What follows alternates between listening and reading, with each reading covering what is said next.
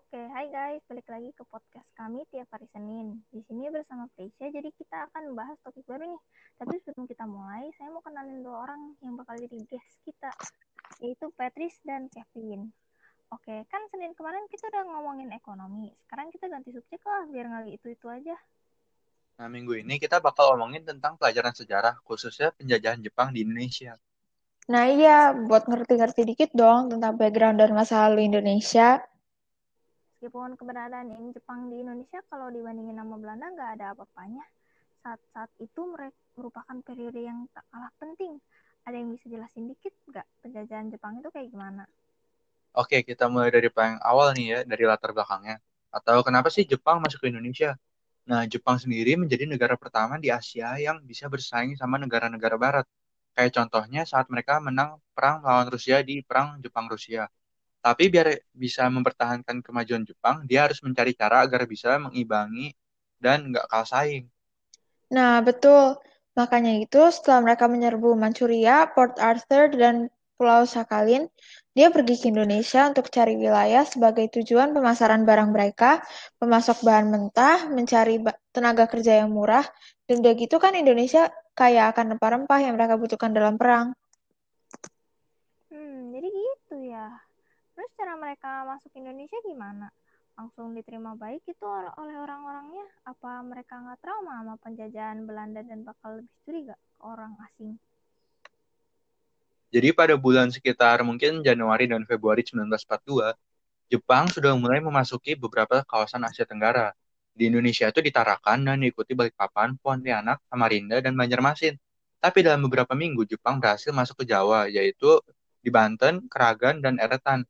Hal ini pastinya nggak diduga dari pihak Belanda, makanya pasukan mereka dengan cepat terkalahkan. Hanya empat hari kemudian, Batavia jatuh ke tangan Jepang dan akhirnya Belanda menyerah pada tanggal 8 Maret 1942. Iya, Belanda menyerah pada yang tadi dibilang Kevin, 8 Maret 1942, itu ditandai sama perjanjian Kalijati. Dan dalam pertemuan penyerahan Belanda, Belanda diwakili oleh Jenderal Ter Purten dan Jepang diwakilkan oleh Letnan Jenderal Imamura di Kalijati, Subang.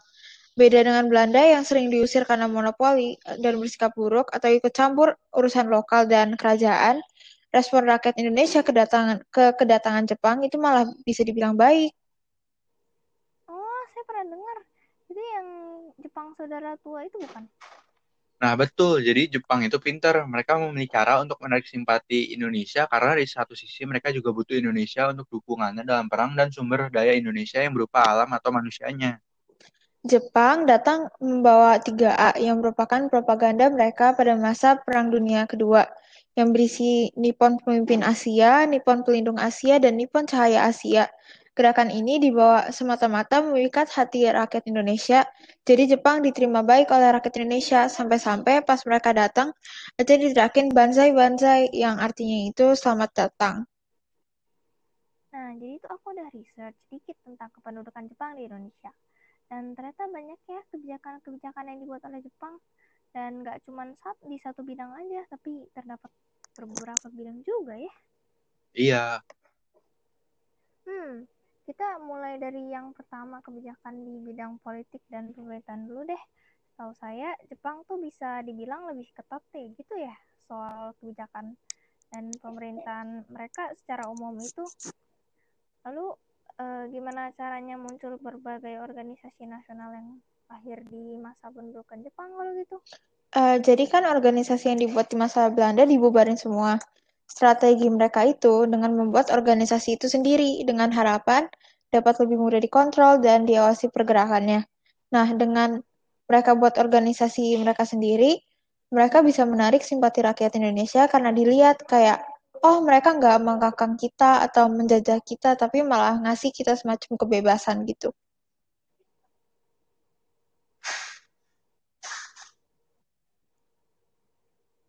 wah pinter juga ya jadi mereka memakai tokoh pergerakan nasional untuk menggerakkan bukan untuk udah gitu membuat mereka jadi lebih suka sama Jepang dan secara tidak langsung membandingkan dengan negara barat yang dulu menjajah dan menindas mereka. Nah iya. Oh saya mau tambahin nih, kan tadi dia pakai slogan 3A untuk menarik simpati rakyat. Tapi ternyata tuh caranya kurang efektif, makanya digantikan oleh putra atau pusat tenaga rakyat. Nah, putra ini dipimpin juga oleh tokoh masyarakat yang lumayan terkenal, misalnya Soekarno, Muhammad Hatta, dan lain-lain. Organisasi ini dilihat terlalu menguntungkan Indonesia daripada Jepang, makanya dibubarkan dan diganti dengan Jawa Hokokai. Terus terus ada bentuk organisasi atau kebijakan lain nggak dalam bidang politik dan pemerintahan? Ada dong. Uh, jadi selain organisasi itu, mereka membuat tiga pemerintahan militer, yaitu yang pertama pemerintahan militer Angkatan Darat atau Tentara ke-25 untuk Sumatera yang pusatnya di Bukit Tinggi Lalu pemerintahan militer Angkatan Darat atau Tentara ke-16 untuk Jawa dan Madura yang pusatnya di Jakarta, dan pemerintahan militer Angkatan Laut atau Armada Selatan kedua untuk Sulawesi, Kalimantan, dan Maluku yang pusatnya di Makassar. Tapi tugas mereka itu apa? Salah satu panglimanya adalah Letnan Jenderal Hitoshi Imamura yang menjadi Panglima Tentara ke-16 dengan kepala stafnya Mayor Jenderal Buro Okasaki. Tugas mereka itu untuk membentuk pemerintahan militer di Jawa dan kemudian diangkat sebagai Gunsekan. Dengan staf pemerintahan militer pusatnya itu disebut Gunsekanbu. Saya pernah dengar tuh mereka dibagi ke departemen-departemen lagi kan? Lima kalau nggak salah. Isinya departemen urusan umum, keuangan, perusahaan seperti industri dan kerajinan, tangan kalau nggak salah terus lalu lintas dan hmm, kehakiman. Iya itu betul, tapi ada kebijakan lain yang dibuat oleh Jepang yaitu lewat UU. Salah satunya itu UU 27 tentang aturan pemerintah daerah yang diterapkan di Jawa dan Madura, kecuali daerah istimewa. Isinya itu pembagian tingkatannya, presidenan, lalu kota praja, kabupaten, kawedenan, kecamatan, dan yang terakhir kelurahan atau desa. Terus-terus ditambah juga pada 16 Juni 1943, Perdana Menteri Tojo mengeluarkan kebijakan yang memberi kesempatan kesempatan gitulah pokoknya ke orang Indo agar bisa ambil bagian dalam um, pemerintahan negara Indonesia di sidang 82 parlemen di Tokyo. Selanjutnya um, dikeluarin juga pengumuman Saiko Shikikan tentang garis besar rencana mereka untuk mengikut sertakan orang Indonesia di dalam pemerintahan Indonesia.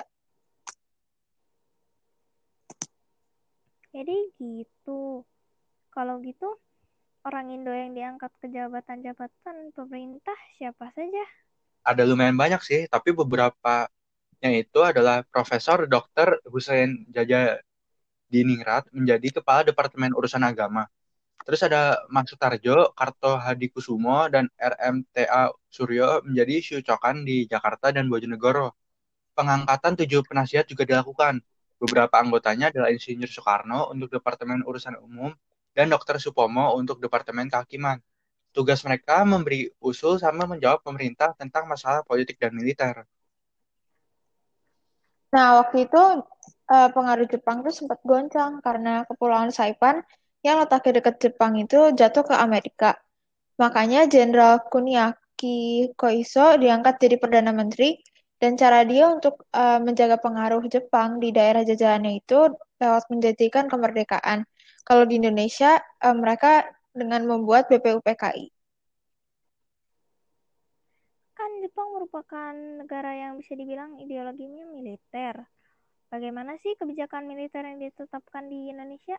Jadi dalam perang Pasifik Jepang itu sering kalah saat melawan sekutu. Makanya mereka mendidik pemuda Indonesia sebagai tenaga potensial untuk diikutsertakan dalam pertempuran melawan sekutu.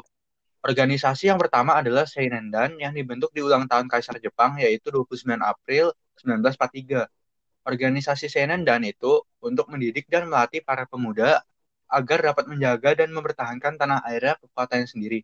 Anggotanya sendiri terbuka untuk umur 15 sampai 25 tahun yang lalu diubah menjadi 14 sampai 22 tahun sebut yang kedua nih ya. Jadi yang kedua itu Keibodan yang merupakan barisan pembantu polisi dengan tugas-tugas kepolisian. Jadi tugas mereka tuh ya mirip mirip basah sama polisi zaman sekarang. Misalnya kayak penjagaan lalu lintas dan mengamankan wilayah sekitarnya. Dan yang bisa jadi anggotanya harus berusia 20 sampai 35 tahun, tapi nanti diubah menjadi 26 hingga 35 tahun. Bagi kalangan etis Chinese dibuat juga Keibodan yang namanya itu Ka Kakyo Keibotai. Kalau gitu aku sebut yang terakhir ketiga nih. Mumpung ingat salah satu organisasi militer yang lain itu HIHO yang membuka kesempatan pada pemuda Indonesia untuk membantu prajurit Jepang. Syarat syaratnya itu e, berbadan sehat, berkelakuan baik dan berumur antara 18 sampai 25 tahun dan juga pen, berpendidikan minimal SD atau dibilangnya sekolah rakyat. Benar kan? Nah iya betul betul. Nah yang terakhir itu nggak boleh dilupain dong. Uh, jadi itu kemungkinan sih kebanyakan orang udah pernah dengar yang ini, yaitu pembela tanah air yang dibentuk atas prak prakarsa Gatot Mangku Praja dan disahkan melalui Osamu Seirei nomor 44 pada 3 Oktober 1943. Mereka punya lima tingkatan uh, tingkatan kayak pangkat gitu dari atas sampai bawah itu yang paling atas komandan batalion yang dari tokoh masyarakat seperti pegawai pemerintah, pemimpin agama, politikus atau penegak hukum. Yang kedua itu ada komandan kompi yang dipilih dari kalangan yang telah bekerja tapi belum berpangkat tinggi seperti guru atau juru tulis. Yang ketiga itu adalah komandan pelton dari pelajar sekolah lanjutan pertama atau sekolah lanjutan atas dan yang keempat itu Komandan Regu yang dipilih dari pemuda tingkatan SD. Dan yang paling terakhir atau yang paling bawah itu merupakan prajurit sukarela yang dipilih dari kalangan pemuda dari tingkatan SD. Perlu diingat juga nih, organisasi pembela tanah air ini nggak semulus itu. Karena saat berkembang, anggotanya di beberapa batalion kecewa pada pemerintah pendudukan Jepang yang akhirnya timbul pemberontakan yang dinamakan pemberontakan Peta Blitar pada Februari 1945 dipimpin oleh Supriyadi dan Muradi. Tahu saya dibuat juga himpunan perempuan kan pada Agustus 1943 utang uang usia minimal 15 tahun. Kalau nggak salah itu namanya Fujinkai. Nah, betul. Uh, sekarang kita pindah yuk ke kebijakan sosial dan ekonomi.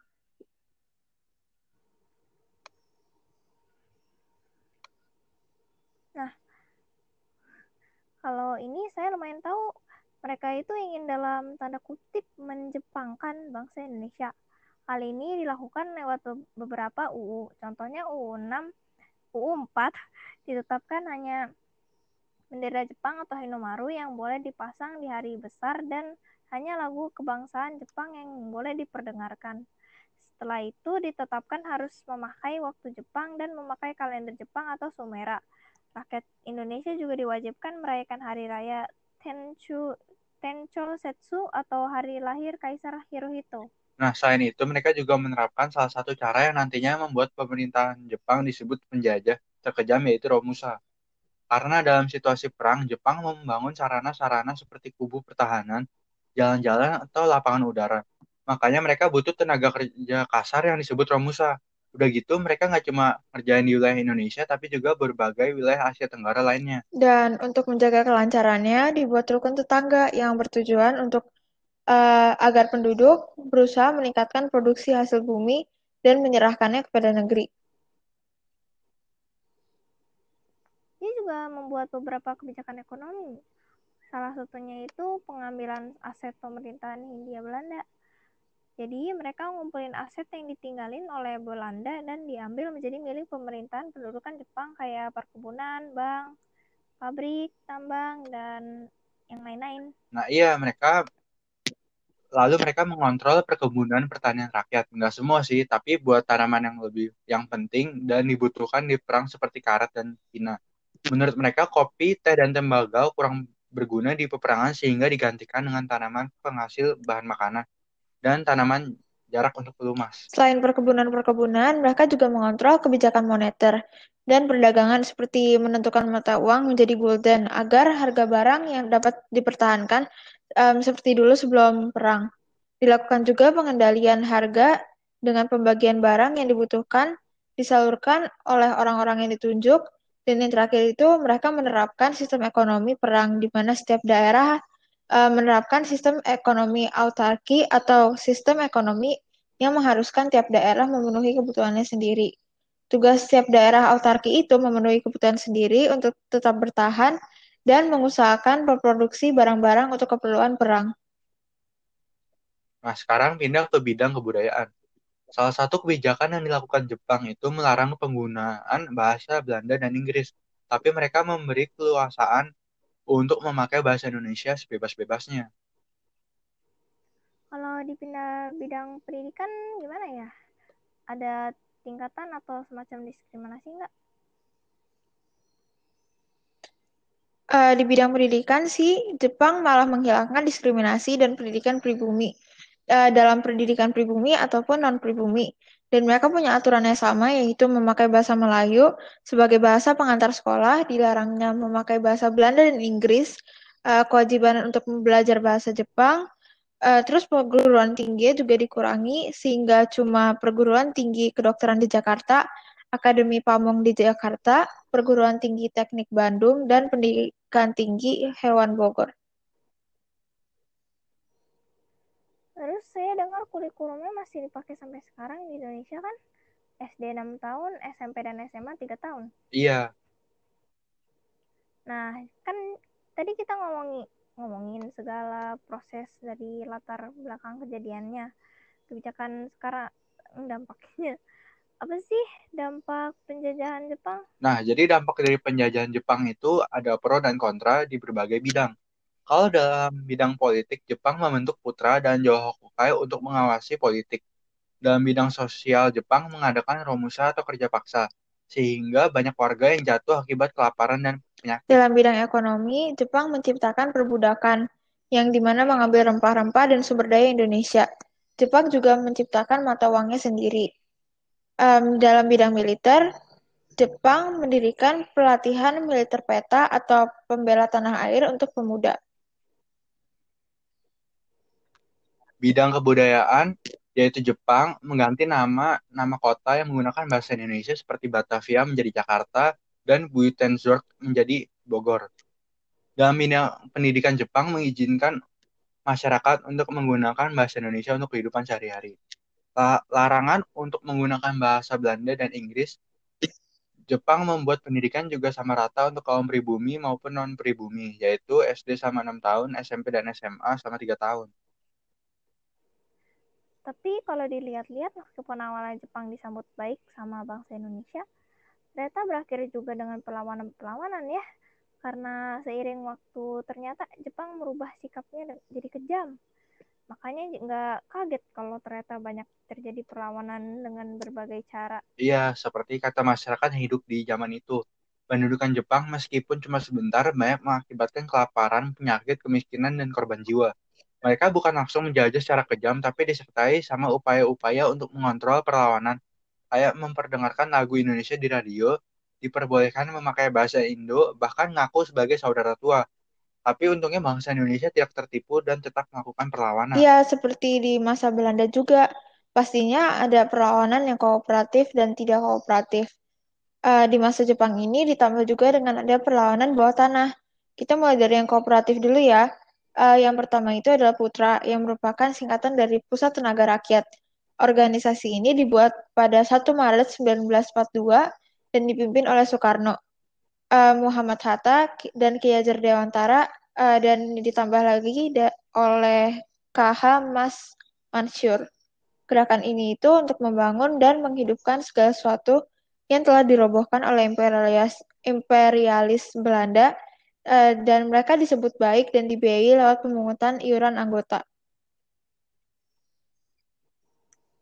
Oke, terus yang kedua itu Jawa Hokokai berbeda dengan Putra yang lebih mengarahkan rakyat pada usaha kemerdekaan Indonesia daripada kepentingan perang Jepang. Jepang membuat Jawa Hokokai mencakup semua golongan masyarakat yang isinya Chinese, Arab, dan lain-lain. Anggotanya minimal 14 tahun jadi di dalam di dalamnya ada berbagai bidang sesuai profesinya, misalnya guru, masuk ke Kyoiku, Hokokai, dan dokter ke Izi Hokokai. Lanjut, selain dua organisasi yang disebut sebelumnya, ada juga organisasi MIAI atau Majelis Islam ala Indonesia. Singkatnya, organisasi ini didirikan di Surabaya oleh KH Mas Mansur dan kawan-kawan. Organisasi ini diberikan kelonggaran karena dinilai anti bangsa barat. Mereka juga dipilih sebagai organisasi gabungan golongan Islam. MIAI membentuk Baitul Mal atau rumah zakat dan melaksanakan hari besar Islam.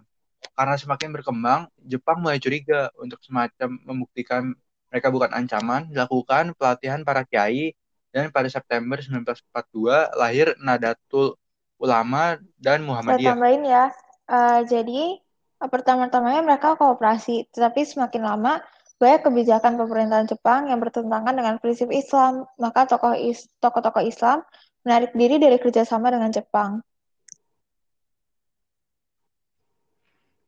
Selain yang kooperatif, pasti ada yang tidak ko kooperatif atau bersenjata. Salah satunya itu perlawanan Plain yang terjadi di Aceh. Perlawanan ini terjadi karena tindakan tentara Jepang yang semena-mena dan memaksakan kehendaknya terhadap rakyat. Selain itu, ada lagi perlawanan yang bersenjata, yaitu perlawanan Teku Hamid di Aceh yang dipimpin oleh Teku Hamid yang merupakan seorang perwira Guyufun. Dia melarikan diri ke gunung dan melakukan perlawanan dengan beberapa pasukannya. Namun bisa dikatakan gagal karena keluarganya diancam dibunuh dan dia harus balik. Selain itu, ada perlawanan gerakan di bawah tanah seperti yang udah disebut sebelumnya. Strategi ini diorganisir secara rahasia dan rapi. Mereka secara diam-diam. Nah, untuk bagian ini, contoh dari strategi ini yang pertama adalah kelompok Sultan Syahrir yang terdiri dari kaum terpelajar. Kegiatan mereka adalah mendengarkan radio secara diam-diam.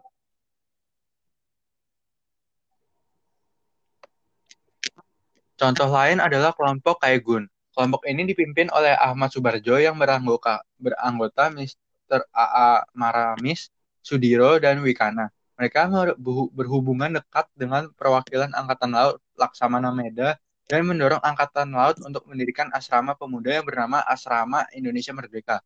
Di tempat inilah juga pemimpin Indonesia seperti Soekarno, Muhammad Hatta, dan Sultan Syahrir menanamkan semangat nasionalisme.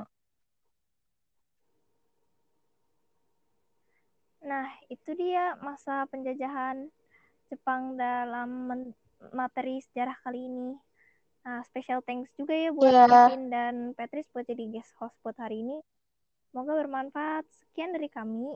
Sampai jumpa di post podcast selanjutnya.